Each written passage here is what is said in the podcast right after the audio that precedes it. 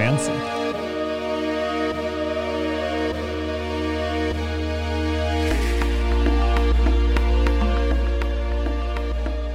Ok Ég veit þetta er ekki mikilvægt fyrir ykkur Þetta er mikilvægt fyrir mig að því ég var að gera þetta á einhverju hérna græju.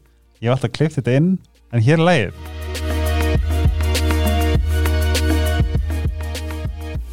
Helgarspjallið er semst byrjaði að vera aðeins tæknilega en það var áður en velkomin í Helgarspjallið uh, áður en ég byrja þáttinn með viðmælanda mínum góðum þá ætlum ég eldsnögt að þakka Sítokær og Dominos fyrir stuðningin um, ég get ekki mælt meira með pitsunni Ostoberfest sem er núna í oktober þetta er rugglað það er á þessu 600 ostum meðlan grillostur og stert pepperoni og svaka læti Sítokær eins og alltaf er náttúrulega bara frábært og um, þau hafa unni til verðluna og við förum kannski aðeins til það setna en fyrst og fremst langaðum bara að þakka fyrir. E, við segjum hæ frá uh, podcaststöðinni í Nova Sirius stúdíónu og núna er tímdi komin að kynna uh, uh, uh, gestdagsins Bergsveit Ólafsson eða betur sett dektur sem Beggi Ólafs Á ég að segja eitthvað núna. Hæ Hæ, hvað segir þú? Heiður og mættur Já bara, ég er eiginlega sem ég með skottum millir lappan að fá það aftur að því ég, eins og þú veist þá er ég búin að spyrja það ósjaldan hvort þú vil ekki koma aftur að því mér finnst þú að ég hafi skitið pínild af mig í fyrsta þættinum okkar, þú varst annað viðmældi minn og podcast var mér ennþá mjög nýtt og munnrapa mín var aldrei meiri það er svona að þú þannig sé tekur bara stjórn þess að þetta og ég ætla bara að fá það Ekki, ég var snúið að segja við núna. Nei, við erum búin að ræða þetta síðan hérna, við áttum spjalli, en það er bara eðlilegt. Maður byrjar, hvað maður segir, maður byrjar ekkert sem meistarinn einu, Nei. en hann að nú finnst mér svo áhugað að sjá hversu sjóðar þú ert orðin í dag og hversu sennaður uh, við, viðtalandi Já, er. hvað er langt síðan, var þetta 2017? Við rættum þetta Nei. í gerð, 2018 Já, ok, það er alveg tvö ár síðan. Og þegar, og ég held bara og svo byrjuð þú og Arnór einhverjum mánuð eftir og Mm. þá vorum við svo fáir, eða Já, fá já, podcast. Mm og núna eru náttúrulega bara öruglega 4000 Já, það er tölvuleikja podcast og kvíða podcast og húðpodcast og Bachelor podcast bachelor podcast. Það er svona, Svona. það er nóg að gera hjá podcast unnendum mm en ég hveti ykkur að sjálfsögðu bara til að hlusta á ekki? og í ljósi sögunar Og ég ljósi sögurnar en hérna, hana velkomin minn kæri. Takk fyrir það. Bara, ég er mjög spenntur að fá Vilt þú segja þetta og ég segja þetta? Þú verður að segja þetta Ég ætla ekki að tala nú Ha? Já sko, við erum hérna ástæðan fyrir að við erum að gefa hennan þátt út í dag en ekki á morgun eða hinn er að því að, þetta er endur ekki komið út við erum, við erum aðeins eftir tíma Mm en uh, fréttinar eru vantilega komnar út á samfélagsmiðla -hmm. að þú ert að gera hvað minn kæri? Herðu, ég er ekki að bók Eitt stykki? Eist ekki bók sko Og hvað? Já, ég spyrði og hvað? Það Ég er mjög forvitin um, um bara allt það sem kemur að segja bók því að vippetni upp einni bók er ekkit er ekkert eitthvað svona eins, einsdagsverk Nei. Þess vegna hefur getur sagt mér frá hvar, hvar byrjaði hugmyndin og hvernig það ferli mm. Svona lengsa stutt í rauninni að ég, Nei, ég ætla ekki að Ég ætla ekki að Nei, Nei, þetta er langt. ég ætla bara að hafa hana langa. Já, Já, af hverju ekki Podcast. hérna, Þá hérna færðist ástriða minn svolítið yfir á, á sálfræðina og, og árið svona 2017 ég hérna fann að fótboltinn var ekki geimarind lengur sem hafði alltaf haft tilgangi í mínu lífinu og eina sem ég brann fyrir. Og það fór svo mikið yfir í sálfræðina. Og sérstaklega ég byrjaði í mastersnáfinu mínu í, í hagnýtti ákværi sálfræði og þjólanarsfræði að strax svo ég byrjaði og fekk þess ástriða var ég bara ok, nú ætla ég að kortleggja skrefað innihaldsríku lífi á svona tveim vikum. Ertu að tala um bókina? Nei, Nei. Og, og síðan, síðan byrjaði ég að bara, þú veist, ætlaði bara, þú veist, svona gerir maður þetta, svo ég geti hjálpað öðru fólki, sko, þú veist, að held að það tæki bara tværi vikur út því að, og boy, I was wrong, sko, því að ég leiði að byrjaði, þá hugsaði ég bara, ok, Bara Róma byggt hraðar en, en það sem þú ert að alltaf er að fara ná frá Þannig ég hugsaði bara, nei, heyrðu, þetta mun ekki taka tvær vikur, heldur verður þetta örugglega bara verkan í lífsmýns Já, það er bara svo leiðis og frá þau að hugsaði, já, einn daginn ætlaði ekki á bók. Mm og ég vissi svona alveg í hvað átt ég myndi gefa bókina. -hmm. hvernig hún væri, hvernig hún væri svona sirka uppbyggð. Síðan hætti ég í fótbolta og þá fekk, fekk ég svona rými og var að hugsa svona hvað ég ætti í fjandarnum að gera núna sko. Að þú veist, hvað ég vildi leggja svona aðal kannski áherslan á Mhm. og ég var að grípa við það helgi ég, var að halda fyrirlestra ég var búin að lesa svo mikið ég var búin að hlusta svo mikið, ég var Mhm. búin að skrifa svo mikið ég var með svo marga pælingar, hugmyndir uh, og ég var að grípa við það í fyrirlestrum að þá var ég að tala um allt of mikið talaði allt of rætt út því ég vildi gefa alla mína visku og lærdóm og vitnesku áfram. Ég kannast við að tala mikið og hratt. Mm, Það er bara því ég tengdi við. Já. Við eins og við rættum aðan en, en þá hugsaði ég með mér veist, og ég þurfti svo mikið að svala þessari þörf mm -hmm. að, að, að, að staldra hans við því Mhm. maður er alltaf að pæli að öðlast fle- fleiri upplýsingar alltaf að lesa meira, hlusta meira þú veist, læra meira, en hvað var það maður staldra hans við punktana hérna? Hvað var það maður staldra við það sem þér finnst mikilvægast bæði fyrir sjálfa þig og fyrir aðra að heyra? Og það var bara komin tími til og þetta kannski gerði verkum að fólk fór frá fyrirlestum mínum kannski svona, wow, ok, rosa mikið upplýsingum skilur, bara svona, heyrðu, ég er smá ring, ringlegaður skilur þannig að ég hugsaði með mér nú stoppaði bara og, líka sem tengið svona því að ég oft liti á kannski Hildi hún situr í sofanum Já, og ég hef kannski verið með eitthvað svona pælingu hausnum og ég er svona líti á hann og hugsa svona á ég að fara að segja henni þessa pælingu? Síðan hugsaði ég bara með mér nei, ég held í linni þjánugunar í dag. Ég er einhvern veginn, veistu hvað, ég heyri þegar þú sagði þetta Ég heyri hana, ég heyri hana fyrir mig segja Æ, ég bergfist þegju Ég veit ekki okkur Nei, þú veist, hún er oft til í svo spjall En oft Já. er ég bara með eitthvað pælingar þá er ég bara svona Nei, hún ennur ekki að heyra þetta. Þannig að mér, ég, mér fann fyrir rosa miklu þörfa að svala, svala þessu. Þannig að ég settist niður. Byrjaði að skrifa klukkutíma dag.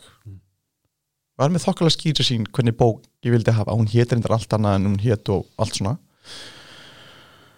Og síðan allt í hennu bara hitti ég úgefanda, óvænt Mhm.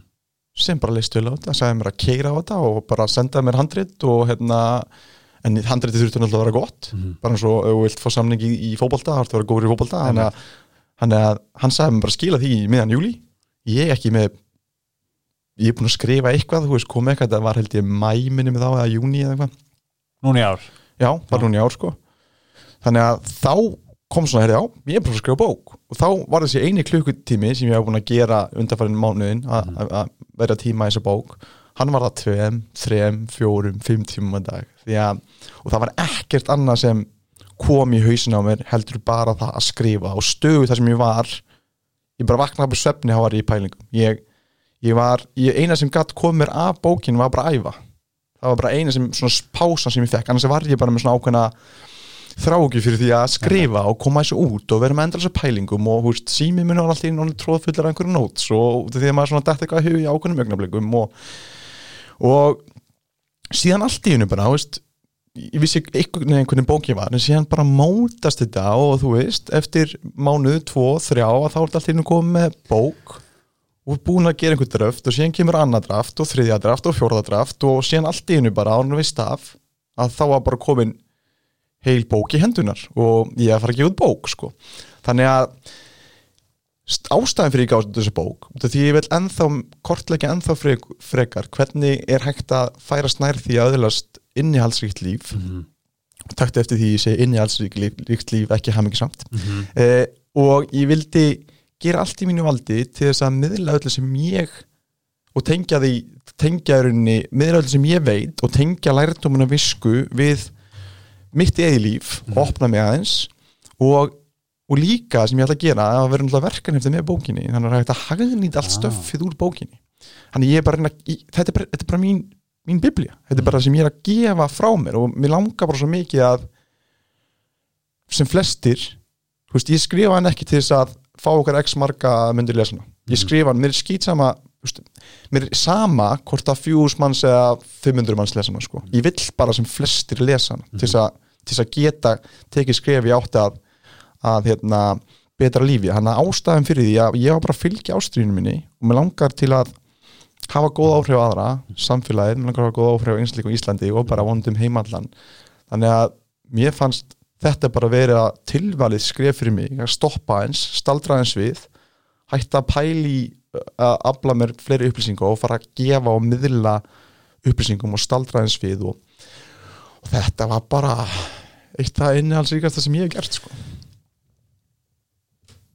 Nei, ó, ég var komið svo góðan gott hljóð Eitt sem ég langar að segja, það sem ég langar að segja þegar ég er að hlusta á þig Mm. að því við hefum rætt á svolítið mikið í helgarspillinu og hljómar, það er gaman að orða þetta allt svona að því að sko við hefum rætt á svo mikið þegar maður er að gera eitthvað frá hjartanu mm -hmm. að því það er svo margir sem að þú veist ég, ég er svo mikið verið að spá í sko, og sérstaklega fá að hlusta á fólk sem að tala svona þetta, þú veist, þú talar eins og, eins og þetta var engin ákförðun þetta er bara, mm. skilur við þetta er svolítið, mér finnst þetta að vera svolítið svona hvað er gott að segja hvað er hjarta að segja þér mér finnst það að vera svo frábært að við höfum haft þetta Birgit og Haugdal talaði um þetta Mhm. og Eva Dögg talaði um þetta þú veist að að þeirra í rauninni verkefni og success hafa komið út frá einhverju dýbra en bara svona já herru, ég ætla að skrifa bók um mm, hvað, við skaðum við Mm -hmm.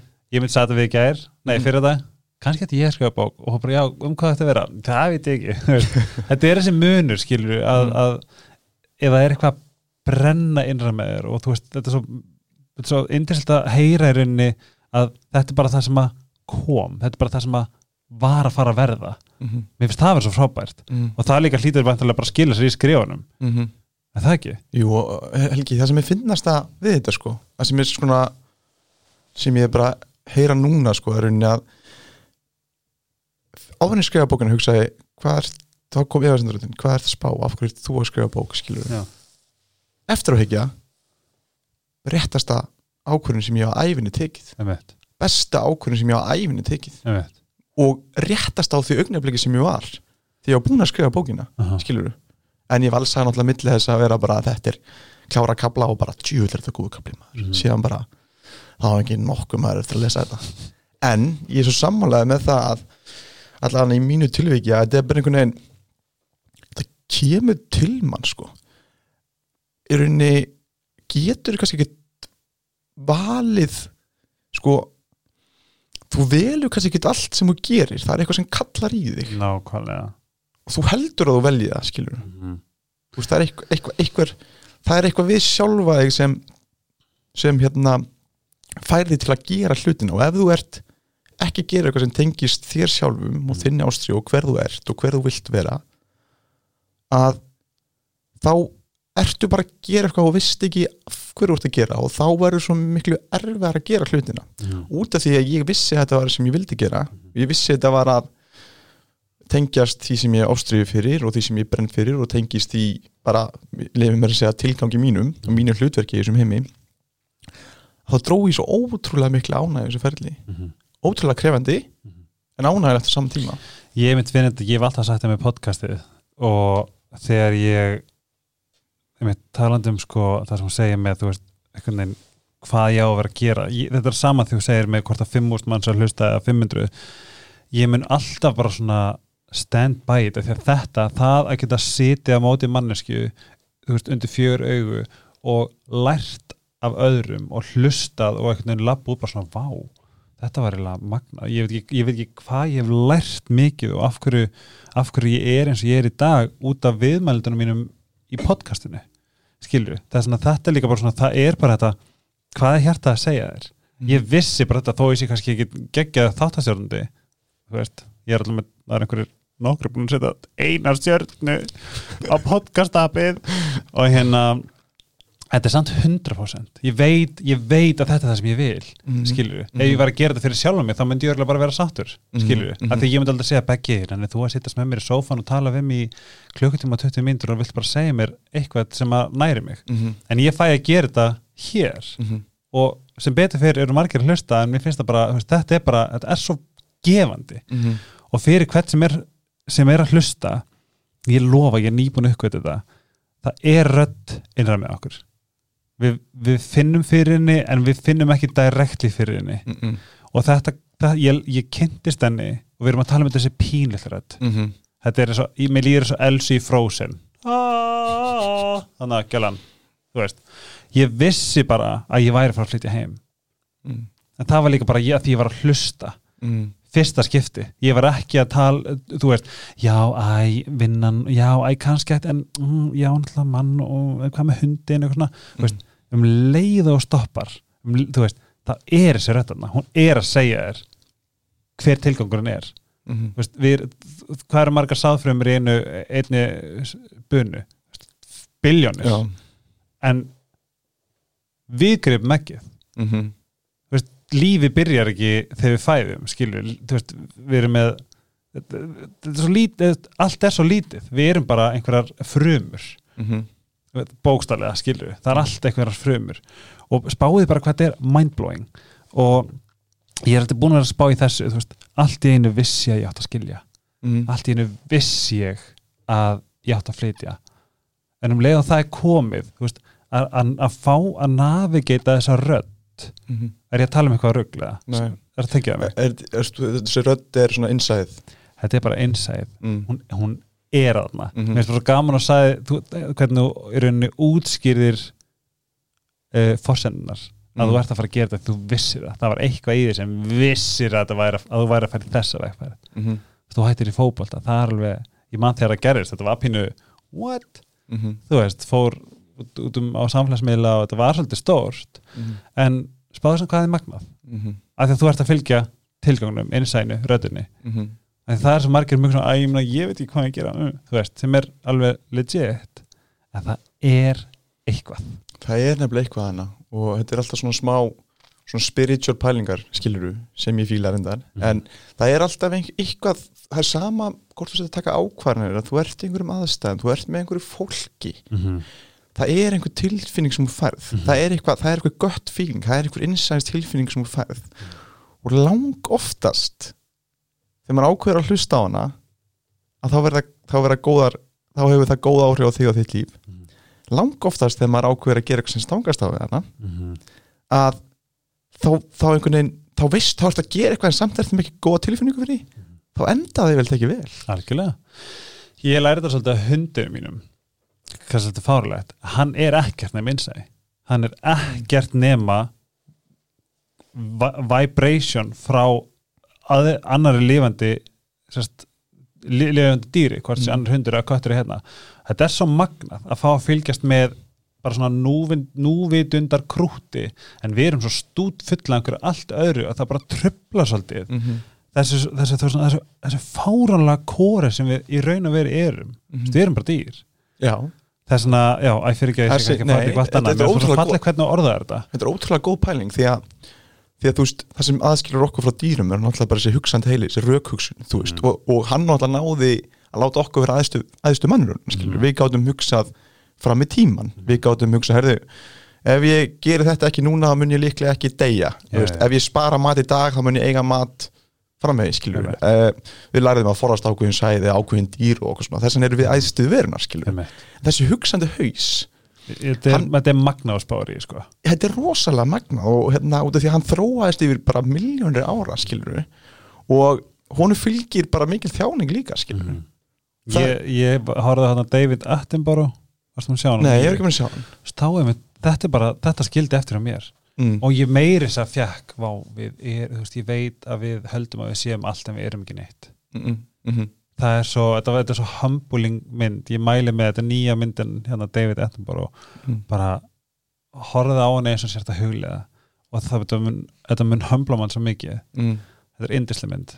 Já, en veist, eins og segir þá erum er við bara dýr skilur bara dýr. og dýr hugsa ekkert beint skilur dýr bara ekta sko. Mér fannst svo gaman hvernig þú orðar þetta það, það fór í beint í þessa hugsun. Mm. en segja mér þá eldsnögt hvernig, hvað heitir bókin Mm. og hver er hugmyndin? Eða hver er svona, hvað er, hvað er í gangi? Í raunin er þetta hérna, hún heitir Tíu skref. Ú. og svona undir, eða svona titil sem kemur í kjölfæri er Í áttað innihaldsríku lífi. Mhm. og hugmyndin er náttúrulega bara svo að þetta sé svona ákveðin skref sem, sem hver kapli heitir skref. Mhm. og, og hvert skref er með ákveðin, ákveðin nöfn skilur og það eru huglegar um eitthvað ákveðið skilur þannig að til dæmis eins og þú veist, það er eitt kapli kannski huglegar um félagslega tengsl eitt kapli um uh, um að ég veist ég óta, eitt kapli um að stefna innhaldsríkjulífi, ekki hemmingsjó og, svo- og svo framvegis, þannig að í raunin er hver kapli hann er með ákveði svona ákveðin upphaspunkt og inn í, í upphaspunktin að þá, þá tengi ég við rannsóknur í sálfræði persónulega upplifun og persónulega reynslu það sem ég er svona, ég menna ég berskjaldar með allan í þessari bók. Og í rauninni tengi þetta við merka hugsi ásamt svona góðum leiðum til þess að tengjast lesandanum og að lesandan geti þá hagnýtt það sem ég tala um í hverju skrifi fyrir sig inn í sitt eigi líf skilur þannig markmiðið mitt er bara að fá fólk til að hugsa og haga sér á öðru síð vegu eða á, á betri vegu til að þeim miði áfram í lífinu svo þau þroskist í lífinu og geti bætt annað fólk í kringu sig og, og þá verður náttúrulega bara eins og ég segi þá verður annað fólk betra. Og ég er með svo, svo, svo góða pælingu svo það er því að þú veist, það er auðvitað að hugsa út í það að við séum bara, þú veist, við tökum svona teng, tengsli við sáðfrömmindæmi sem komst á hana, við séum bara eitt rík af 7 miljónum, skiljum uh, að 7 biljónum segjum og að hérna að, að hugsa að þá skipti ekkert má, leinu máli í stóra samenginu skilur en ég held að sé ekki rétt saga því að þú veist, ímyndaði þér hvað hérna þú veist ef þú þú, þú, þú einn einslíkur þú getur haft svo þú getur haft, þú getur fara að hafa áhrif á svona þúsund manns ekki enn tíðina. Þú getur, þú hefur mögulegan að því. Þessir einsleikari hafa áhrif að hafa, hafa, hafa mögulegan að hafa áhrif á annað þúsund. Mhm. þannig að þú ert einnig mannski frá miljón og pælir sér þessu, þessum, svona, hana, þessari, þessum hérna, pælingum. Því að erum við þá því að þá erum við því við erum tengt við erum öll í einhvers konar við erum í einhvers konar vef saman og hver einasta eining inn í þessum vef að hún hefur áhrif á hvort annað. Þess vegna hefum við svo miklu að trúa því að þegar við tökum ábyrð á okkur sjálf og gerum allt í okkar valdi fyrst að bæta okkur sjálf og, og stefna því að gera daginn í dag betur en daginn í gær afleggingi verður svo að það hefur miklu meiri áhrif en maður gerir sig grein fyrir. Bara fólki í kringum okkur og, og hlutverki mann sama hvert hlutverki manns er sama hvað maður er að gera. Þá hefur það, rosa, það, hefur það svo stigmagnandi áhrif út í, út í heiminn. Og þess vegna er sannu tilgangum með lífinu og veist, persónulegu tilgangum með lífinu. Því að þú veist, og af hverju ekki að gera það mest úr því skilur? af hverju ekki að stefna á það besta sem getur stemt á, sama hvað það er? Af hverju ekki að reyna við það skilur Hver, hvað hefur, hvað hefur annar betra að gera skilur Algjörlega, ég bara því að sagði þetta, þá dætt mér í hug þetta- heyri þetta fyrir ekki það löngu það skiptir ekki máli how you made a person nei, what you said or what you did but they will always remember how you made them feel. Mm -hmm. og því þú talar um þetta svona píramíta hérna, að þú hefur áhrif og þetta getur haft ennþá meira áhrif. Og þetta er svo rétt. Ef þú ba bara, bara fá innblástur í einn dag getur sett eitt korn sem lætið bætast um þetta sem Mhm. hefur áhrif á þennan makan, mömmu, systir, bara hvað sem það er. Mhm. þetta er nefnilega þetta, þetta, nú erum við svolítið að fara út í pínu bara salf, uh, sáðfrömmu uh, hérna, dæmi veist, þetta, við erum rík. Þetta pínu litla en það getur orðið svo stort Mhm. við getum orðin bara eða áhrifin getur orðið svo mikil á hennu góða. Mhm. þetta er mindblowing sko. Og fólk þarf svo lítið helgi. Þú veist eins og þetta, svo, það þarf svo lítið litla kvartningu frá öðrum eða lí, lí, lítið lítið hrós bara. Já, það getur rinda stað miklu meira heldur en maður gerir sér grein fyrir sko. Pí, pínu lítið bæting á einu svið í lí- lífinu getur, svo, getur rinda stað svo ótrúlega mörgum bætingum. Og þess vegna tala ég alltaf um þessi litlu dælu hlutinu sem þú gerir þú veist, það er lífið þitt sko. þú veist, aðtaðanir sem þú gerir á hverjum degi er lífið þitt. Einmitt, og það er öll þessi litlu augnablik skilur við, pæltið þú breytir einhverju pínu litlu við einhverja aðtöfna eitthvað sem þú gerir, Mhm. þá hugsa sem sumir, já já, það tekur sér ekki að breyta þessu pínu litla að fara í göngutúru auka 500 á dag, en hugsa þess með þér skilur hver getur þetta spíralast skilur ég hef oft hugsað líka sko pældi ég að það er ekki hitt þennan aðeila já, hver væri í dag ef það er ekki fótbrotnað þarna eða ekki fengið skurðin að fara þá, þú veist, þetta, er það, er svo rétt sem hún segir, það þarf svo pínu lítið mm -hmm. til þess að skapa eitthvað huge, Mhm. huge breytingar huge uh, afleiðingar whatever Þetta er eiginlega svona það er eiginlega óhurnilegt að tala um sko hversu lítið þú segir, þú veist rétt að manneskja réttum stað. Þessi litla ákvörun ég var þarna og þess vegna gerist þetta. Þú veist, fókbrotisnum mentir í. Og líka bæði hvað þessi litlu augnablik að þú veist, þessi augnablik geta breytt lífinu til góða og síðan eru líka ekki, við höfum ekki hugmyndum allt það sem getur umturnað lífinu sko. Og það getur gerst að hverju einast augnablik sko. ég geti fengið hjarta að falla núna við að tala sko, og ég gerum ekkert grimm fyrir því Þetta, að- er, er mindblowing þegar að fara að spá í sko. Er, þetta er alveg styrla sko og hérna stundum með maður bara svona, úf, ég get ekki pælt í þessu maður ítir þessu bara frá sko, fattar mig? Ég meina spurninga þetta er. Já, þú talar áðan um innihaldsríkt líf en ekki hamingjusamt. Mm þá spyrir þig, kærfinur hver er munurinn? ég ætla að ég ránaði með þessa spurningu. Það er hérna sko, það er svona hvernig við lítum á hamingju, hvernig hamingja hefur henni verið skilgrind það er ekkert að sko, út af því að jákvæð sálfræði er svo stór svona hamingjufræði basically sko Mhm. og sko það er hægt að líta svo ég útskýrði þetta í mjög einföldu máli að þá er hægt að líta á hamingju á tönnafu Mhm. það er að vera hamingju sem er í lífinu sem þýðir það, sem tengist þessari svona skamvinju sælu, það er út augnablik sem þú ert að borða góða mat þú ert í partíi, þú veit þegar þú nærð þú, þú nærð markmiðunum og svona skilur ok, sorry. svona, svona, svona þú kannski með, þetta er svona augnablík það sem þú upplifir jákvæða tilfinningar og enga neikvæða tilfinningar skilur þetta er bara eitthvað svona jákvætt, Mhm. hann er ekki plássur neitt neikvætt þar, eða eitthvað, krefandi tíma eitthvað svoleiðis. það er að vera hamingisamur í lífinu síðan er þetta að vera hamingisamur með lífið það er þessi, þessi tvennskona hamingja þá er þetta hamingisamur með þú veist á vegferðinu sem þú ert á? Hvað þú ert að gera í lífinu, hvert þú ert að stefna? Hvernig eru tengsli við nákomna aðla skilur, hérna, hvernig eru tengsli við sjálfaði og svo framvegis? Og þarna eru einsleikar meira svona hamingisamur með ferðli að láta markmiði vera veruleika og það var með lífið? Já, okay. og með lífið, ástæðan fyrir því að maður er ekki að maður er að stefna innihaldsríku lífi að innihaldsríkt er svolítið, lífi er svolítið að vera hamingisamur með lífið. Hamingsamt líf er svolítið að vera hamingisamur í lífinu og ástæðan fyrir því, eins og ég segi að þá er þessi fræðimenn sem hafa greint þessa, þessa, þessa hamingju í rauninni að það er þessi hedonic skamvinna sæla sem er hamingja, hamingja í lífinu og síðan er þessi sem kallar þessi eudamonia sem er svona æðri hamingja. Og þá, það er veist eins og að að vaksa að þroskast, að verða betengslugur í áttina markmiðin sem út að stefna að vera í góðum tengslu fólk kringu að stjórna að fá að stjórna þér sjálfum og þínu lífi, þú veist, það er alls konar að vera, það er alls konar svona aðri hluti sem spila þar inn í, en ástæðan fyrir því sé, og ég er ekki að stefna að að vera er í lífunu, eða þú veist á þess að skamminni hamingju, er að hún kemur á fyrr Mhm. þannig að maður er bara að stefna á því að eiga jákvæð augnablik án, án alls neikvæð og krefandi og alltaf stöð að þá er svo mikil hægt á að maður býði í lífinu. Maður býður eftir að, að helgin komi. Já. maður býður eftir að þegar hérna, ég verð það er sexpack, þegar Þeg- ég verð já, 30 já. þegar ég verð 40 og hugsa hans út í það þú veist, á þegar ég klára erfiða vinnutörnuna þú veist, þegar ég er færtu, þegar ég klára gráðuna þegar ég, og hugsa hans út í það þá ertu líka í ertu að býða eftir að upplæðanar séu búnar. Þú veist, þú ert að býða eftir að vinnutörnuna klárast þú ert að býða eftir að krefjandi þú ert að býða eftir að æfingi klárist. Þú ert að æfingunum bara, að geta ekki, ég klára hann af klára æfingun af, drífa hann af, skilur og, og þú drífuð í gegnum megnað upplifunum lífinu. Þannig að ástæðan fyrir því að ég segja að þú ekki stefnað þessari hamingju þá verður lifin bara byggð.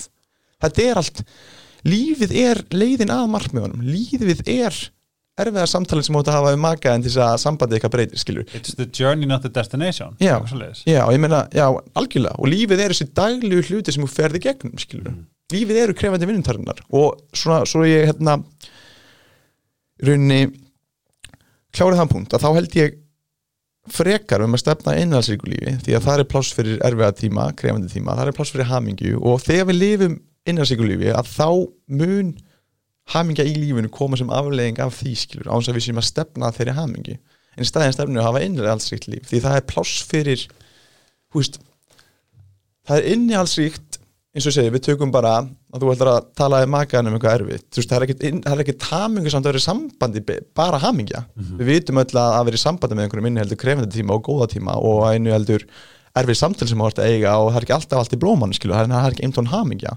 En það er virkilega innihaldsríkt skilur það er innihaldsríkt að vera í sambandi með einhverjum aðalar sem múst að takast á við lífið með og að þið séu að hjálpa okkur um öðrum að gera tilvöruna betri stað. Þú veist, sem fylgir bara og öll þessu sem fylgir því að, að stopna fjölskyldu, að sjá um heimilið, að hvetja hvort annað, að styðja hvort annað, að virkja það, þessa góðu eiginleika sem býr í hverju öðru og svo framvegis. Það er innihalsríkt þannig að ég til frekar um að stefna innihalsríku lífi en ekki hemmingsum lífi. Það sem, það sem ég heyri rosalega mikið vissi þetta ekki fyrir nú varst að segja mér þetta núna mm. en ég veit að ég er á ágætum stað hvað þetta var þar út af þakklæti Mm. sem er svolítið núna bara mín trú Mm -hmm. er þetta ekki, er, er þakklæti ekki mjög sta, stór partur af því að lifa innihaldsríku lífi Mm -hmm. og með því að segja þakklæti og innihaldsríku líf að það er bara ég er persónulega þakka fyrir allt. Mm -hmm. hinn neikvæða líka. Að því að mér finnst ég taka stjórn á því. Í staðan fyrir að bugi mig þá segi ég frekar takk fyrir að kenna mér. Mm. skilur, segjum em, eins og makin, nú er ég skilin og allt það. Og það auðveldasta sem ég geti gert er að fara að plokka út hins slæma og fjandinn og fuck it og svona og eitthvað svona. Mm -hmm. En ég vissi bara að ég ætlaði að gera þetta rétt. Mm -hmm. þú veist, ég ætlaði að, ég ætlaði að þú veist, fa, þú veist, ég ætlaði að go on the high road og vera þar. Þó að það auðveldast í heimi er pottit að segja hann er fíbli, hann er þetta og þetta oh my god, eitthvað svona hérna. Ringja í, í fá sér raufin og fara að töða skilju, en hinga til og þetta er eitthvað sem að ég bara er, ég er markvist, talandi bara markmið þetta, bara, þetta, þetta verði þarna. Það er þakklæti Mm. ég gæti sagt og þú veist ég eitti átt árum í Danmarku og ég var ekki hamingsumur í Danmarku, eitthvað svo leiðis Mm -hmm. en að taka þetta vá hvað ég er þakkláttur fyrir Danmarku vá hvað ég er þakkláttur hvað það kendi mig mikið vá hvað ég er þakkláttur fyrir að hafa fengið hundi minn og vá hvað ég er þakkláttur fyrir góðu tímana og slæmu tímana vá Mm. ég lærið mikið bara takk Mm -hmm. veist, það sem ég máttur þarna þetta skapar og ég finn það að því þú ert að segja þetta ég finn hvað þetta er búið að þetta heitir á ennsku enrich my life þetta er búið að bara þetta er búið að gefa mér svo mikið Mm -hmm. veist hvað við Já, ég heyri líka að þú veist þú ert ekki bara þakkláttu fyrir þetta þú ert svolítið að taka stjórnina líka og þú ert svolítið að, að tólka þú veist, ég bara fekk speilmyndi í hausinn þú varst að tala og þess vegna ætlaði bara að segja hana mm. nei, semst, hvað, hvað kom upp í hausinn á mér þá ertu að tólka einhvern erfiðan Mm. erfið, erfiðan atbúr, erfiðan tíma þú ert að tólka, tólka hann hafi rauninni góðar breytingar á þínu lífi og þú ert taka stjórn, þú ert að vaka súrið þú ert þakkláttu fyrir því, skilur Mhm. og þeir einsleik sem tólka svona krefjandi atbyrðu þessa vegu Mhm. þeir upplifa meiri tilgang. Þeir eru takast betur á við erfiðleika og svona skilur og það hjálpaði maður með áfram í lífinu. Þannig að þetta kallast rauninni redemption eða svona sagan um svona upplýsuna skilur að endur heimta Einmitt. og, og hérna ég finnst því þess að sjá það svo skýrt hjá þér núna þegar þú varst að segja frá þessu núna sko. Sérstaklega með sko með þakklætið skilur Já, ég, það var ef, ef að hlustendur hafa heyrt fyrsta þáttin með Söru Maríu hún svolítið hún eiginlega þetta var bara eitt af magnar sem ég hef heyrt. Og ég mæli með þessu þætti hann er einn af elstu þetta er fyrsti þáttin sem hún var í. Hún lendir í að hún þurfti að fæða barnin í dauðan og ég hugsaði með mér hvað er hann að fara að segja mér næst mm. hvað er hann að fara að segja er hún er, hvern, veist, var hún bara í þunglindi og þetta, hvað, hvað, þú veist, ég var svo forvitin Mm. og svo sagði, sagði hún að hún fór á hnén og þakkaði fyrir þessar reynslu og ég veit ekki hversu tilbúin ég var að heyra það því ég er bara einhvern veginn bara svona oh my god, hvernig getur maður þak þakkað fyrir það Mm. en ég fatta það núna, mm. þú veist þetta er bara, þú veist, ef við erum þarna, ef, okkur tekst að fara þangað, að segja bara takk eins og sagði með redemption, Mm. þá ertu einhvern veginn, þá er meining á bakvið þetta, Mm. þú veist og það er bara eitthvað svo magnað fyrir mér Mm -hmm. og ég finn það bara núna ég hef sagt það við, við fyrirhandi minn oft bara takk og ég er þakklutur Mhm. og allt skilur og þetta er eina sem situr í mér eftir þessi sambandslít og þess vegna er ég að koma ágætlega vel út úr þessi sambandslítum að að hætta með ástin lífinsinu er hrikalegt mm -hmm. En að vera þakklátur fyrir það er totally doable. Þú sagði líka eitt á hann sem ég, svona, þú sagði það er meining í þessu. Já. þannig að lítur eiginlega naglan á höfu sko. þú ert að draga einhverja merking úr þessu þú ert að fá einhverja meining úr þessu. Og það er hægt að gera á ymsa vegu. Einhver annar í þínu spórum hefði geta gert skiluru, hann er hálfviti þessi tími í Danmörku, ég fæði hann aldrei tilbaka þú veist, þetta var umulegt og bara detti í einhverja deburð og, og, og, og, það. resentment, já, já það beturleika, fjandsemi bara skiluru Já, heitir það fjandsemi? fjandsemi er, nei, fj- ég held að sé resentment, jú, Þetta er svo flott orða fjandsemi já þurfum að finna það í íslensku en allavega það sem ég ætla líka að segja þú veist, ég myndi eins og Sara skilur veist, það er ótrúlegt hvaða lífi leggur á suma skilur við, lendum, við erum öll að klástu eitthvað sko. Mhm. þú veist, það er allir sem lendi í einhverjum erleikum það er engi sem gengur genið lífi bara og það er smurt fyrir sig sko. en magnið og stærð, stærð, stærðleiki erfiðleikana er bara misjan eftir einslingum það er, Helgi, það er ótrúlegt hvað sumt fólk bara, þú veist það því að sem fer ekki sína sögum sem lendir í alls konar hlutum sko. Mhm. og það stendur í lappinu sko. og það stendur ekki bara í lappinu það er öflugara, og þó svo að þau hafa lendi á vegg, vegg, vegg, öðrum vegg stærri vegg, öðrum vandamál það stendur enn, þannig að fólk er svo, fólk er hreinlega magnað, það er magnað. Það er bara svo og líka bara hvað við erum með mikið í haustum okkar hjartanum okkar svona hvað, hvað við höfum, hvað er rauninni bara hvernig svona, ég er alltaf að sletta í haustum á mér. Human life, mm, hvað eru miklu möguleikar að eiga stórkoslegt líf? Mm -hmm, þetta er alltaf bara okkur undir, okkur, undir okkur komið. Mm en spáðu ég, ég hugsa bara einsku capacityð sem við höfum. möguleg geta er rauninni. Já, möguleg já. geta til þess að eiga eitthvað bara, veist, ég bara veist, ég er orðlus Já. bara að spá því. Og þannig er þetta svolítið tappin og líka það að þú veist í rauninni eins og, eins og sálfræðin skiluru að hún hefur svona ekki það, þú veist, þú ert tappin þú ert tappin í að þú sé meira en að vera til staðar í lífinu? Þú ert að tappin í það að sé eitthvað meira heldur en að vera laus við það að líðilla skiluru, að sé eitthvað meira í lífinu, að sé hægt að blómstra skiluru, að það sé að vera meira en bara venjulegur eða fara í gegnum að og skiluru núna erum við svolítið að ræða ekki satt innihaldsrikt líf. Jú, til dæmis þau áfalli sem ég fekk í júni strax, meira sem þegar ég var í því ég byrjaði að stama í því. Það var Mm. bara, þetta var fokkað mér upp sko. En hvert, hvert einasta dag væri þakklur fyrir það. Mm. fokkin hell bara. Náður strax að vera bara þakkláttur skiluru, strax. Ok. þetta var, þetta þetta var, þetta var það vond í sáluna mér var illt í líkamanum. Ég gætt ítt svona þrýst á bara brjóskið og veðvana og bara, Mm. ég fann bara sásaka mm -hmm. og þetta var best sem kom fyrir mig. Which is innihaldsríkt. Sem, er, sem, sem gerði þetta innihaldsríkt skilur finnst líka áhugavert að þú veist þú tala líka um munina þú, veist, þú vissir, þú varst að hlusta sö- söguna söru, þú veist, þú vissir eitthvað ok, að þú veist svona, varst átt að þessu en síðan vissir eitthvað, síðan áttar á því. Og þetta er einmitt munurinn á að vita eitthvað að vera, vera rauninni holgerungur veist, þetta er svo, svo tvent ólíkt, skilur þess vegna þú ímyndaði hvað það er mikil forréttindi að fá að tala við fólk. Tala við fólk í þessu podcasti mm, þetta bara, þetta hefur breytt lífinu veist, ég er að fara að hlusta á okkar spjall núna aftur af því að þú, ég náttúrulega gleymi öllu on the go skilu, ég man öllu hvað heitir og þetta er það sem ég fer tilbaka til bara vá, ég man að saði eitthvað sem bara svona oh, vá, og þetta er það sem ég er að vonast að gera fyrir aðra sem er að hlusta á podcastið. Mm, en fyrst og fremst að starta ég helgarspjalli fyrir mig sko.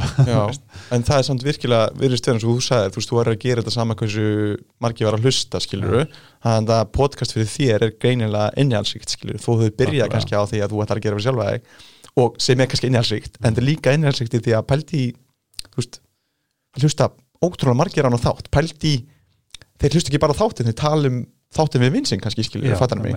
og, og maður gerir sér ekki, veist, þetta er til dæmis margföldurinn áhrif, skilur ég fæ sem ekki hrós að fólk er með hérna, glósubækur. Já, það er bara, það eru sannir meistaramar, Helgi. Ég, bara, ég veit, ég maður þess að nöfnin á þeim sko. þau sem hafa skrifað tíminn, ég elska þau. og I see you. og þú sem varst með glósubúkina stay on that mindset bara for rest of your life sko, því að þú veist það er bara svolítið, en, en, en málið með þakklæti Helgi, því að þetta er svo, ég fæ smá svona eins og þú veist, þakklæti, skilur. Það er svona margir sem fá svona fyrir hvað og ég? Það er rigning úti. Já, já, já, svona svona, en ímyndaðir Helgi að við aðlegumst öll í lífinu. Mhm. aðlegumst öllu. Ó ég er að klippa þetta indriða þetta út nei, nei, nei, gott, ég ætla hérna á flaggju pældi því, við aðlegumst öll í heiminum. Og góða við það, við aðlegumst öll slæma sem gerir það að verkum að við séum með, með meiri þrautsu en við, við höldum skilurum en við aðlegumst öll góða í lífinu. Þú veist, það er sama, við aðlegumst makanum okkar, við aðlegumst sérstaklega aðstæðunum okkar, skilur hvert við erum komin á í lífinu, skilur við vinnum hart fyrir að komast á okkur stað, komast á okkur stað og við vennjumst í, skilur þakklæði þú veist, og, og, er ein legin til þess að beina aðteklina því að við förum að taka þessu aftur, hættum að taka þessu sjálfgerum hlut og kunum að meta allt sittið sem er í kringum okkur, skilur það er nákvæmlega sem ég glimti að segja á þann þess að feina og sagði þetta. Það að því að þú talar um þegar vorum að tala um þegar ég er orðin þetta þegar ég er komið sexpack þegar ég er orðin þrítur, þegar bla bla bla, bla.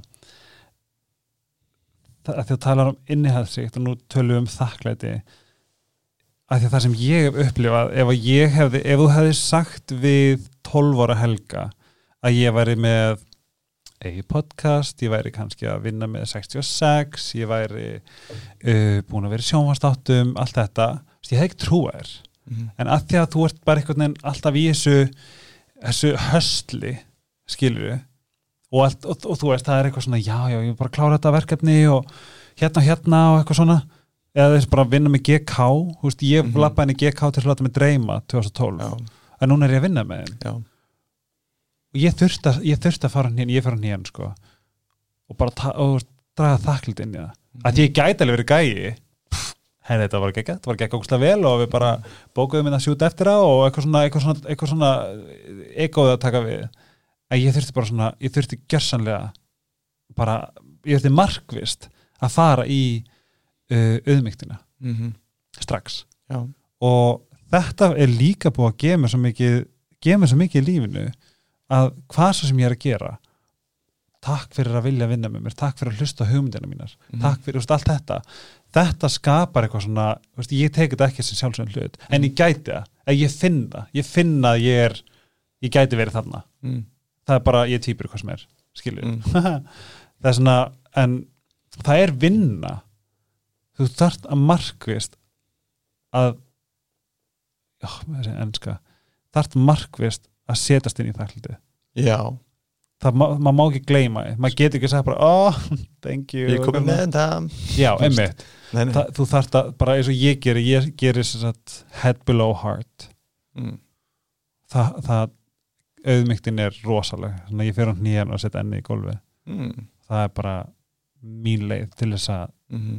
Til þess að tjá þessu auðmygt fyrir mig og bara fyrir heiminaldi Já, þetta er náttúrulega einlegin að vinna móti þessari aðlögun, skilur að, að vera þakkláttur í rauninni fyrir allt sem maður hefur og minna sig á það, þú veist, á staðin sem maður er komin á, skilur sem maður dreymd um og ég tengi svo mikið við þetta, skilur ég tengi svo mikið við þetta að vera einsleikum sem maður óskaði sem væri á staðinum sem hann væri í dag, skilur fattur mig, og ég kannski gerir mikið fulla grein fyrir því, sko, skilur Hva, hvað staði ég er komin að sem maður stöðut að minna sig á það, Já, skilur meina, hvað, stoppast aldrei við, hvað þetta litli beggi það sagt eða sagt, já, þú mynd skrifa bóka í daginn? E, hann er bara sagt who, who is that guy? sko. Ekki Nákvæmlega. fræðilega mögulengi sko.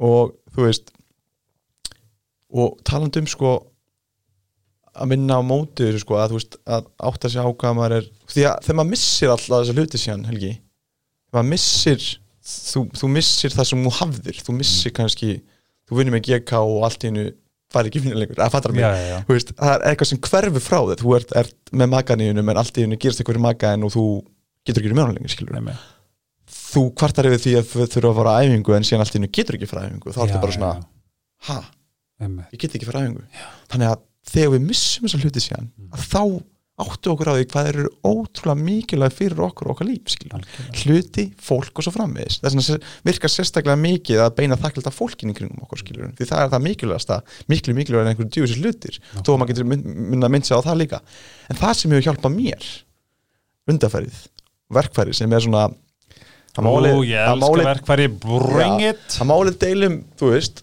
það sem ég geri, Mhm. sem, sem stóísku hugsugunir töluðum, Mhm. ég geri ákveðna neikvæða ímyndun mjög stutt.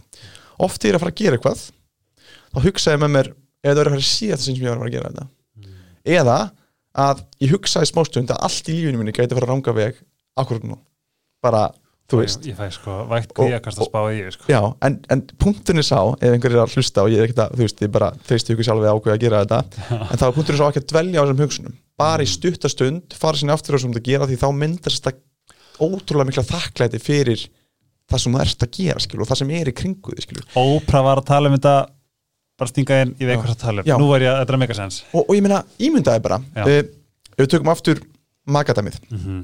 þú ímyndaði bara að þú missir magaðin, bara magiðin er farin, ég get lofaði því og ímyndaði smástund, ég get lofaði því næstu þú sér magaðin, þá myndu knúsa fastar. Ah. það, það, það, það, það er náttúrulega bara garantít mm. þannig að mér finnst þetta hafa virkað svakalega vel fyrir mig music to my á- ears að því ég vissi ekki hvert að vera að fara með þetta en núna fæ ég bara svona oh, það er svona, oh, ég skil þetta núna Já, þetta er líka bara eitthvað sem að þetta er að fyndi og varst að segja eitthvað núna við mig sem að ég vissi ekki að ég var að hugsa en ég hugsaði þetta þegar ég var að flytja heim varandi mömmu mm. ég, þú veist, ég, það, það, það var ömulegt að þurfa að telja puttan og hvað ég að hitta mömmu oft þetta árið Mm. en þú varst að setja þetta í perspektíf fyrir mig Mm. þessan takk um, þú sagðir áðan svo flott að varandi erfileikana og hvað getur sem sagt hvað getur orðið. Og þá datt mér hug eitt dæmi sem tengir svolítið því sem við erum að fara að ræða líka. Það var bergið. Bergið sem er uh, forvarnar eða svona stu, hvað, hvernig kalla þetta? Svona forvarnar samtök fyrir sjálfsvíg. Og það er raunni móðir sem að starta sem að byrja þetta út frá sjálfsvíg svona síns. Mm. og spáðu hvað bergið hefur hjálpað mörgum. Já. og við ætlum svolítið að fara út í þetta því að núna er búin að vera svo herrferð um, 39.is Mm -hmm. árum fórum til það, þá ætlum ég að eldsnögt af því að nú er ég að fatta þetta það er náttúrulega bleikur oktober við hefum ekki gleyma því. E, nú er oktober ennþá. Nei, já, nei, guð, oktober er búinn þegar þetta kemur út. Aðja ég, já, já. Nei, nei, alltaf góð þá allavega það var pizza á Domino sem heitir Ostober, ég vonum sé ennþá í nóvember. Annars verðum bara að vera helga, helgaber já, í nóvember. það, eh, en svo var MC Gauti að koma með hamburgara, hamburgara sem er mjög spennandi, við erum í smá auðlíska passi mm -hmm. að hérna um, hamburgerpizzan sem er mjög ég regnum að smakka hann ennþá, ég er mjög forritin þriðastilbúin er snild tveir reyð, nei, tvennu tilbúið er snild og Dominos yfir höfu er bara snild en þá erum við hérna, komin aftur í spjalli en við þurftum náttúrulega að ræða að það er búið að vera uh, í gegnum geðhjálp 39.is Mm -hmm. og við fórum yfir áðan. Mér finnst við alveg þú nú erum við tveir uh, svona uh, tilfinninga krút sem eru kallmenn og svo leiðist þess að mér fannst mér viðjandi að við getum sest niður og rætt þetta eins mm. að því að 39 punktur is var með þessa herfer sem ég held að við tókum báðið þátt í ekki satt á samfélagsmiðlum. Ekki, ekki ég, ég tók í þáttin deildi sko já, skilurðu. já, þú deildir, já, já, já, og hérna að að þetta er við, við getum ekki við getum ekki tala meira um þetta sérstaklega bara svona þegar við kem, kemur að andlega heilsu kallmanna getur þú lesið fyrir mig upp það sem að starrenda sem fórum yfir á hann varandi sjálfsvík hjá kallmennum á Íslandi? En 39 er sérst þessi meðaltala. Mm Já, sem, sem fólk já, sem að kallmenn hafa eða, sjálfsvígum sem að hvað hækka um 70% í ár. Mm. Sko, það er alltaf algengast að dánaröðsingin milli 15-19 ára. Og uh, algengast með kallmanna sem er 30-50-44 ára sem komur svona smá óvart.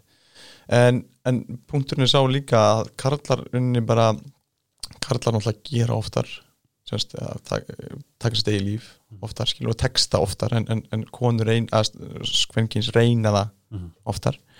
Og frá árunum 2009 til 2018 þá var að meðaltali 31 kallmaður sem hérna, tók stegi líf á móti í rauninni átta kvæmunum sem er svolítið sláandi að, að heyra þessa tölur sko. Ég á einn engil upp á heimnum sem að heiti Bjarni sem að við mistum og þess að þetta er og, og það að upplifa þó að við sko það upplifa bara að þekka eitthvað. Og ég veit að það eru margir að núti sem að þekka allavega eitthvað. Það, veist þetta er þetta er svo ótrúlegt að lendi í þessu varandi var eitthvað sem ég gæti gert. Mhm. og þetta er eitthvað sem ekki bara einhver gamall vinur hugsar, heldur örgla bara allir, frændur, frængur, sýstir, mag þú veist, allir þetta er sláandi sko. Já, þetta hefur líka örgulega, ótrúlega mikil áhrif á líf svona hundrað og eitthvað einsleika í kringu því, skilur fattar mig, sem takir þetta til sín. Þess að Og- ég hvet allar til þess allavega að skrá sinna 39.is Já, og ef einhverjum, einhverjum, svona, einhverjum hugleggingum hann alltaf fara í og, og það hjálpa sem í rauðaukursin sem er 1717 1717 og hérna píeta samtökin kíkja á það og og bergið, verkið, já. Það sem ég er svona mann eftir allavega fljóðlega Já, en það er náttúrulega menn eru kvatísari, skilur Mhm. og hérna minni tilfinningaverur, skilur Mhm. uh, konur eru almennt meira þunglindar og kvíðanir, skilur Aha, en kallar leita sjaldan til lækni, skilur Já. eða eitthvað að. Og kallar leita miklu meira í, þú veist í fíknefni, í einhver svona ytri, yt, að bæla sig í rauninni með ytri þáttum, skilur og, og það finnst manni gefa ákveðna vísbendingar að veist, við, við erum líklegir til að fara öðru síði leiðar en að leita okkur, leita okkur hjálpar. Mhm. Og það út af því að flestum og okkur öllum ekkert bara strákum að stæla við erum okkur kent að fara í smá svona vörn skilur, passa okkur skilur og, og ekki gefa færa okkur Þetta er svona, við, við ölumst öll upp þannig skilur Mhm. bara á leikvellinum í skólanum skilur við erum bara, við erum bara að passa okkar skilur einmitt. við erum einhvern veginn að láta hann skjölda þess niður skilur Mhm. aðeins að, þú veist að, að, að, að taka hann skjöld af og aðeins að berskjálta okkur og okkar eigin tilfinningar og hvernig okkur líður sko. Ég hef svo mikla trú fyrir fóreldri núna Mm. þessara kynsla sem við erum á. Mm. ég hef svo mikla trú á þeim. Ég hlakka næst í til. Mm að bara ég samgleðst svo mörgum núna. Við, það er orðin mikið meðutund, núvutund og meðutund varandi þetta. En það er ótrúlega bara að spá í hvernig okkar fjölskyldur voru okkar foreldrar, þetta var alltaf þetta er alltaf annað en þetta var í dag. -hmm. en hérna mér finnst mjög mikilvægt að, ræða þetta. Og mér langaði líka að, ég að spyrja þetta að núna ert þú, þú ert gaur. Ég hef alltaf sagt að, að ég sem samkynnið maður uh, það sem að við höfum innan gæsalappa fram yfir kannski gagginnaði kallmenn er að við, við, við neyðumst til að fara í mjög svona uh, uh, oh sko, sjálfskoðun já svona early sjálfskoðan já. um, hver erum við? Er ég öðruvísi? Er ég hommi, er ég bisexual um, má ég leika við stelpunar má ég vera í Barbie? Þú veist hvað svo sem það er. Ég er ekki að segja allir hommar leika, hafa leikað sér í Barbie sem hérna ungi strákar, en þú veist hvað við Mm -hmm. hvað, ef þú getur sagt mér svolítið frá þú veist, hvernig og plús að þú varst í fótbolta.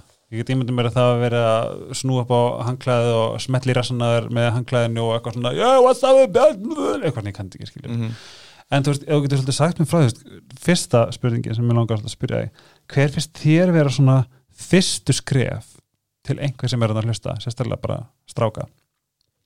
Til þess að kannski koma svolítið í tengingu við tilfinningina sínar og hvernig var þetta fyrir þig? Mm. þú veist, hefur alltaf verið mjúkur? Þú náttúrulega hefur tekið rosalega miklum breytingum varandi svona tilfinningulega dýft býst í við, ekki satt? Mm -hmm. síðustu hvað, þrjú, fjör ár Mm -hmm. ef þú getur svona sagt mér svolítið frá því hvernig það var hjá þér og hver væru kannski þín ráð út frá þeirri upplifun sem að þú hefur sjálfur gengið gegnum til þess að meðla út til annara kallmanna og hvernmanna sem að kannski eru kannski aðeins meira í þessu halda er þurfa að vera bara gaurar, mm. þurfu að vera harðir skilur þurfa að vera harðir og, og taka lummu og vera töff fyrir þennan gaur og eitthvað svona mm.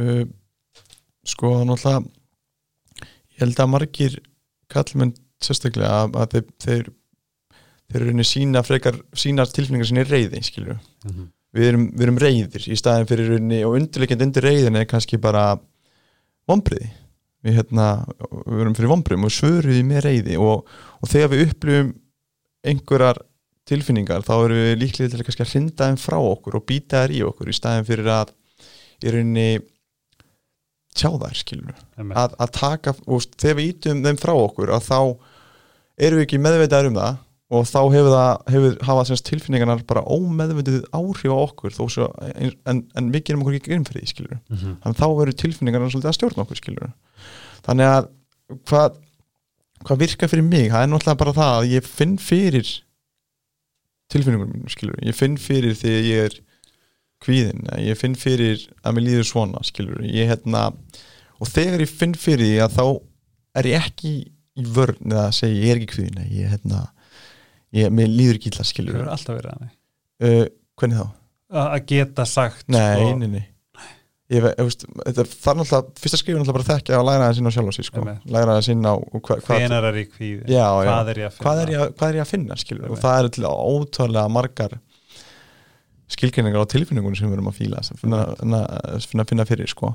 en að, að taka eftir þeim og hugsa bara veist, nei, það er ekki að streytast á móti mm Mhm. veist, ég, kannski, úr því að þegar maður streytast á móti tilfinningum og hugsunum þá bankaðir þá bankaðir stöðugt á því á eins og þú, þú gerir grein fyrir, það er eitthvað stuð sem tapar þú tapar alltaf því stríði, skilur Mhm. þá fyrir þetta að hafa eins og sagði ómeðviti áhrif á þig þannig að að vera meðvitaður um og að viðurkenna fyrir sjálfur sér að, man, að maður er að taka móti þessum tilfinningum og vera svona aðeins bara að skoða já ok, ég er kvíðin núna. Ég finn þetta fyrir svona, og ég finn það oftast fyrir í magan skilur, já, fyrir einmitt. kvíðanum í magan og stundum í öxlunum og, og hérna, jafnvel kjálkunum.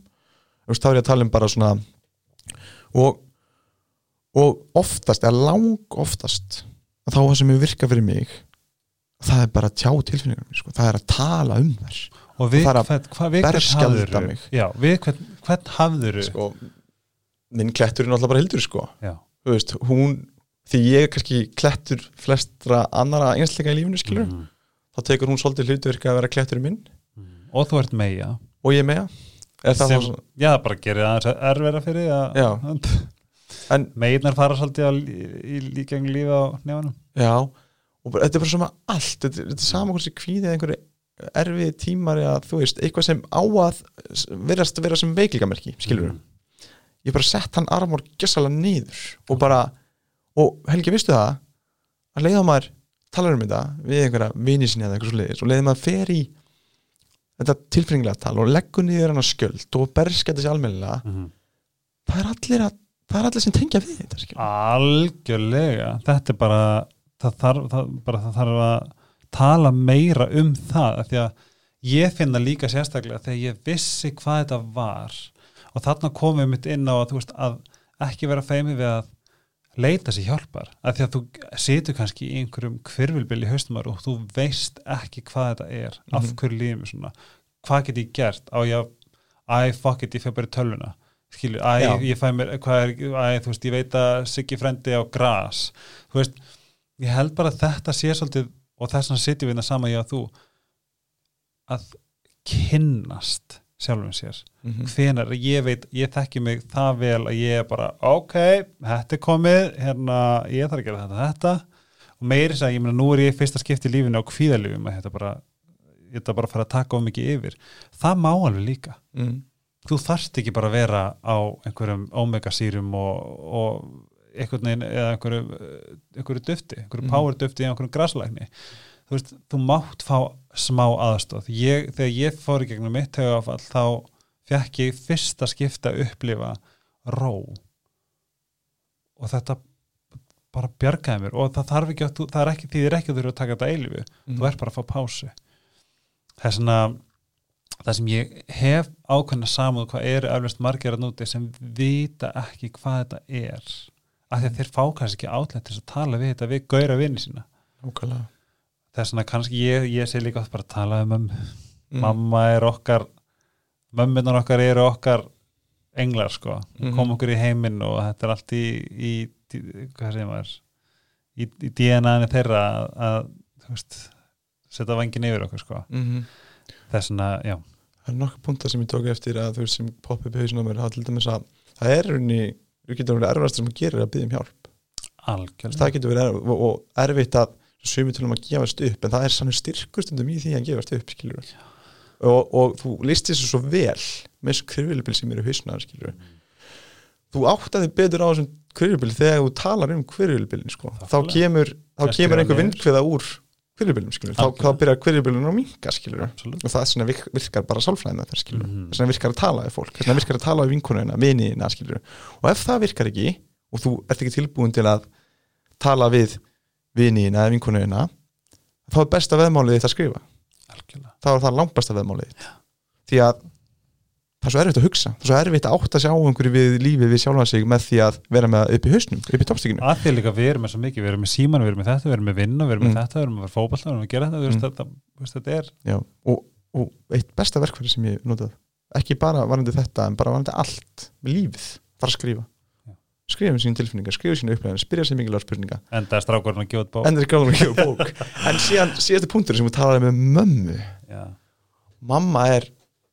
hún er örgulega ástæði fyrir því af hverju ég er svona mjögur skilur, fattar mig. Ég fekk hörku og hugreiki frá pabba sem ég ánæði með mm. og svona dugnaðinn.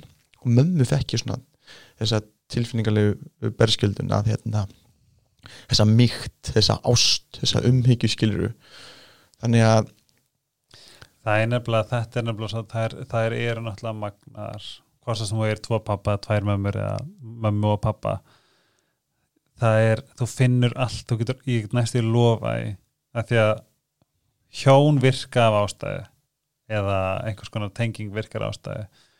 Og það er oft anstæður sem hættir að leita til beggja vegna, eða beggja, beggja megin. Þess að þau eru fóruldur okkar af, að ástæðu og Mm. það, mun, það mun engin þau mun ekki dæma nei. Ef einhver er löst að skilja það er og bara veist, hlutverk foreldra, þú veist móðu hlutverk þau vita svo að, og instinkti hjá mömmum sko, það er að náttúrulega grínast djók, ert að grínast? Það þarf ekki annað bara að vera að tala í síman og, og, og hérna algjörlega. Hversu vel þekkja það mann og svo eitt sem ég segi líka stundum við yngra fólk bara, ef mamma er að ráleika með einhverju ef mamma er að segja þig, að djók því að þú veist, þú mynd komast að því bara, herru, taktu velling út og gæti verið kalt á eftir, nei, ég tek ekki velling út. Herru, mér verður kalt á eftir, skilur bara hún veit bara, Allt. veit allt. Ég, fekk, ég var í einhverju viðtali, ég man ekki sem það var. Það var bara, hvað er besta ráð sem þú getur gefið öðrum?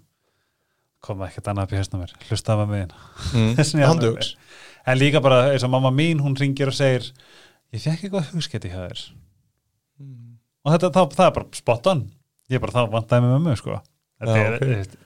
Ég er að segja að við höldum að við vitum allt, við vitum ekki raskat hvað er í gangi sko í bara, í bara okkar heimi eins og hann leggur sig sko ekki neitt Helgi mín og Helgi þetta er, lífið er bara svo flókið sko. veist, og Nákvæmlega. við heldum við sjáum allt og gerum hún grein fyrir öllu en þú veist, nei og, og hérna þú veist, aðteklin er bara þannig að, að hérna, hún er í rauninni bara mögnuð sko. þannig að þú veist við höldum við sjáum allt, við höldum að við vitum allt En- já, og, og mér finnst það eiginlega fallega með það, sko, að mér finnst það svona smá auðmyggt því sko, að, að, Mjög. að hugsa að maður veit ekki raskat sko, þú veist og, og því, því meira sem maður veit að því meira áttar maður sig á því að maður veit ekki neitt the sko. more you know the, nei, the more eitthvað hvað er þetta, you less you know eitthvað já, the more you learn the less you know actually. bara já, það, já. nei, þetta er lag þetta er svo flott lag. hvernig er það? þetta er Júruslagið frá Holland í ár ú, byrju, ég. Ó, ég þarf að hlusta á það. Já. En uh, segjum reitt svona síðan síðast 2018 þegar við ég, me- auðvitað er gaman að hlusta bekka en ég mæla steknin ekki með jú, ég meina þetta er redemption núna sko. Já, ég er ég var um þetta hérna tók eftir það þegar ég var að tala, ég, bara, ég fekk bara ein, einlega hlustun sko, þannig að ég bara plúsi klatta ég er reyndar á sóbril sko.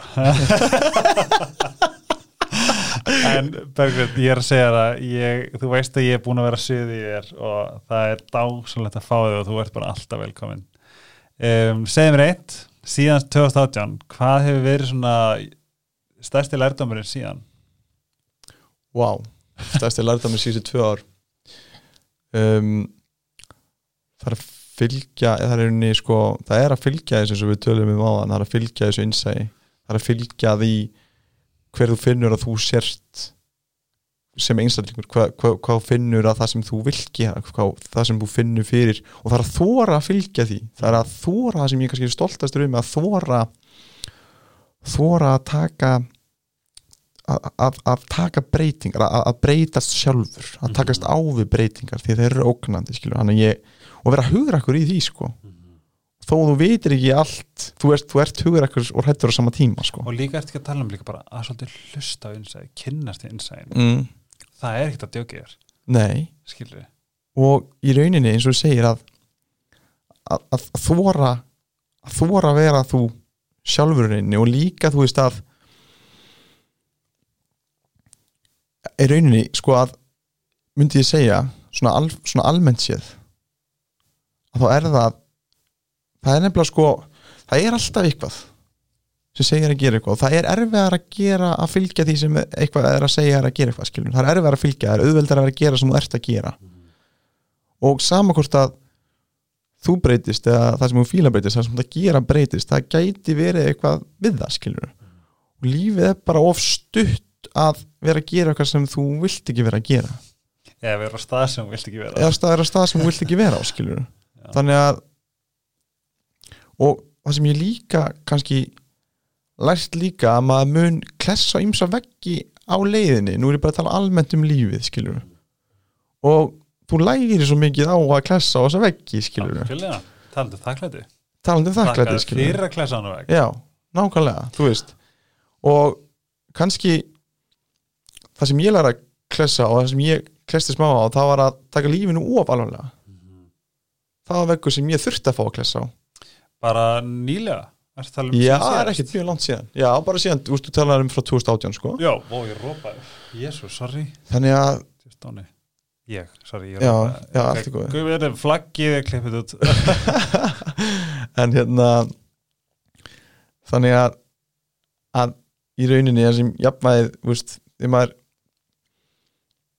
jafnvæðið sem maður er alltaf að leitast eftir er að taka lífinu hæfilega alvarlega skilur ég vil taka það alvarlega því að ég veit að það skiptir máli hvað ég geri upp á lífana skilur Mhm. og mér finnst lífi skipta máli að í rauninni hámark allt sem maður getur hámarkað í lífinu.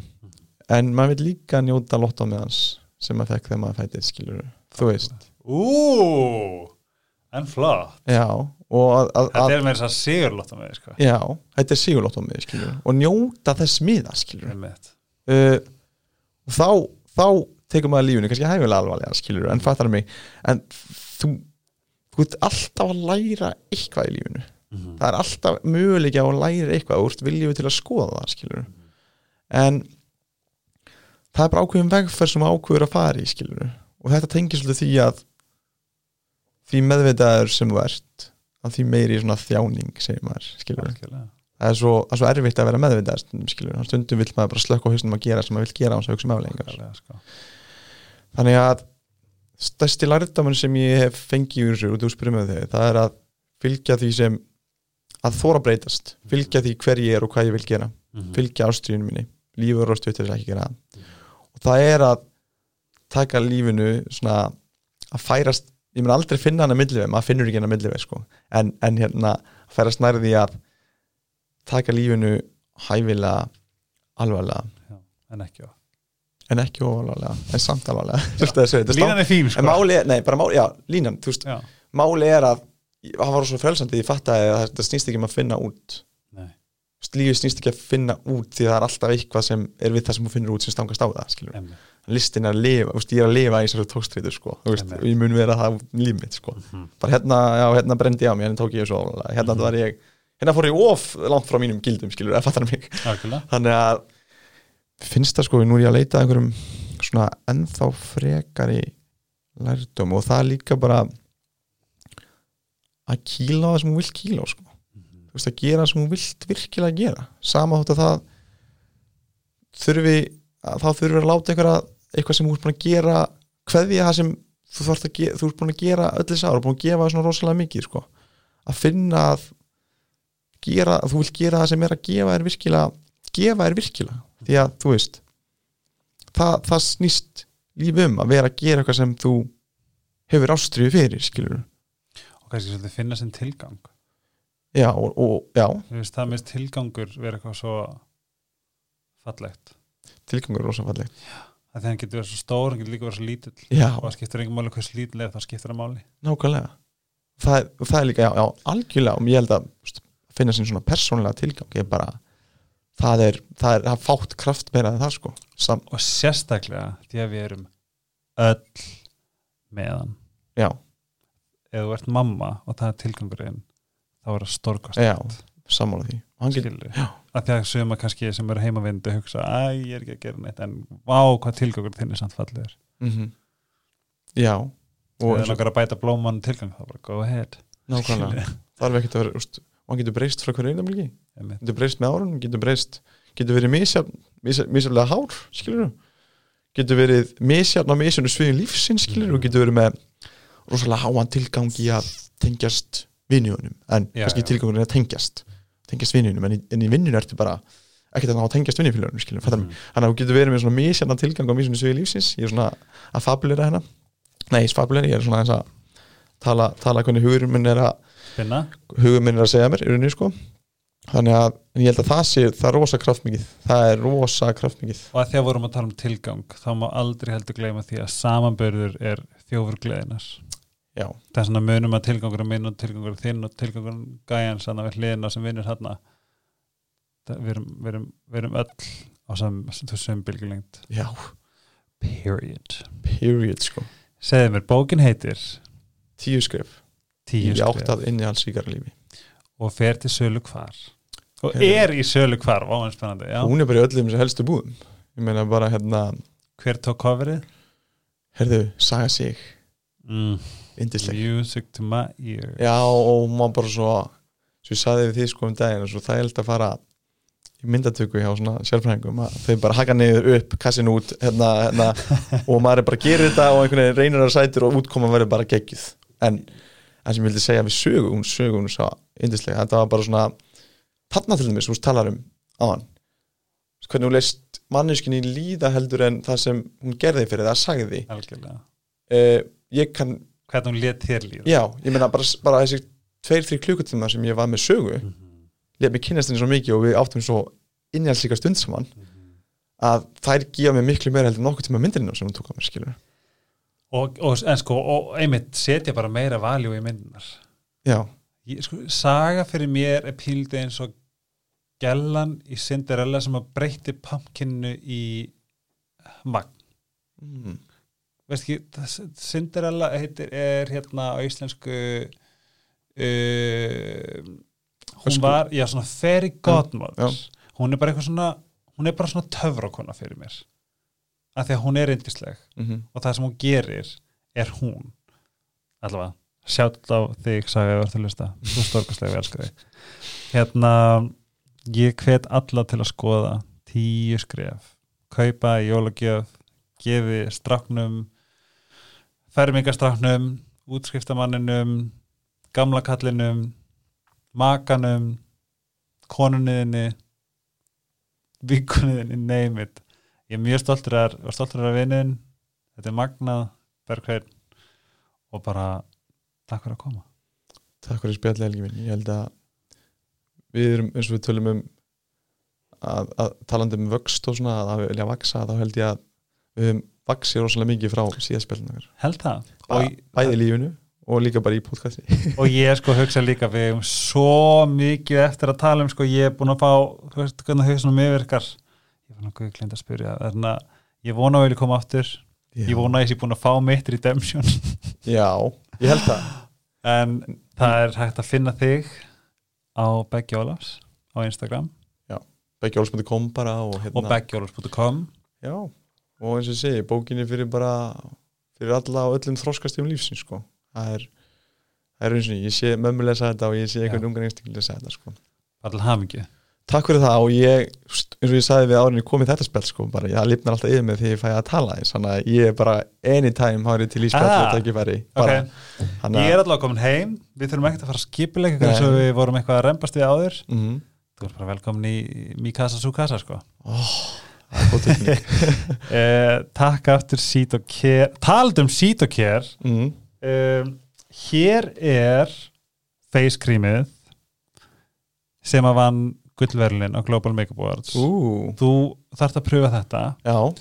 Og þetta gerir svoleiðis undur og uh, stórmerki. Þetta er serumaski ég hugsa að þetta tent verið fínt fyrir þig. Ok. Þess að þegar þú ert eitthvað upp í sofa að chilla eða eitthvað þá ert að fara að vakna yngri en þú ert.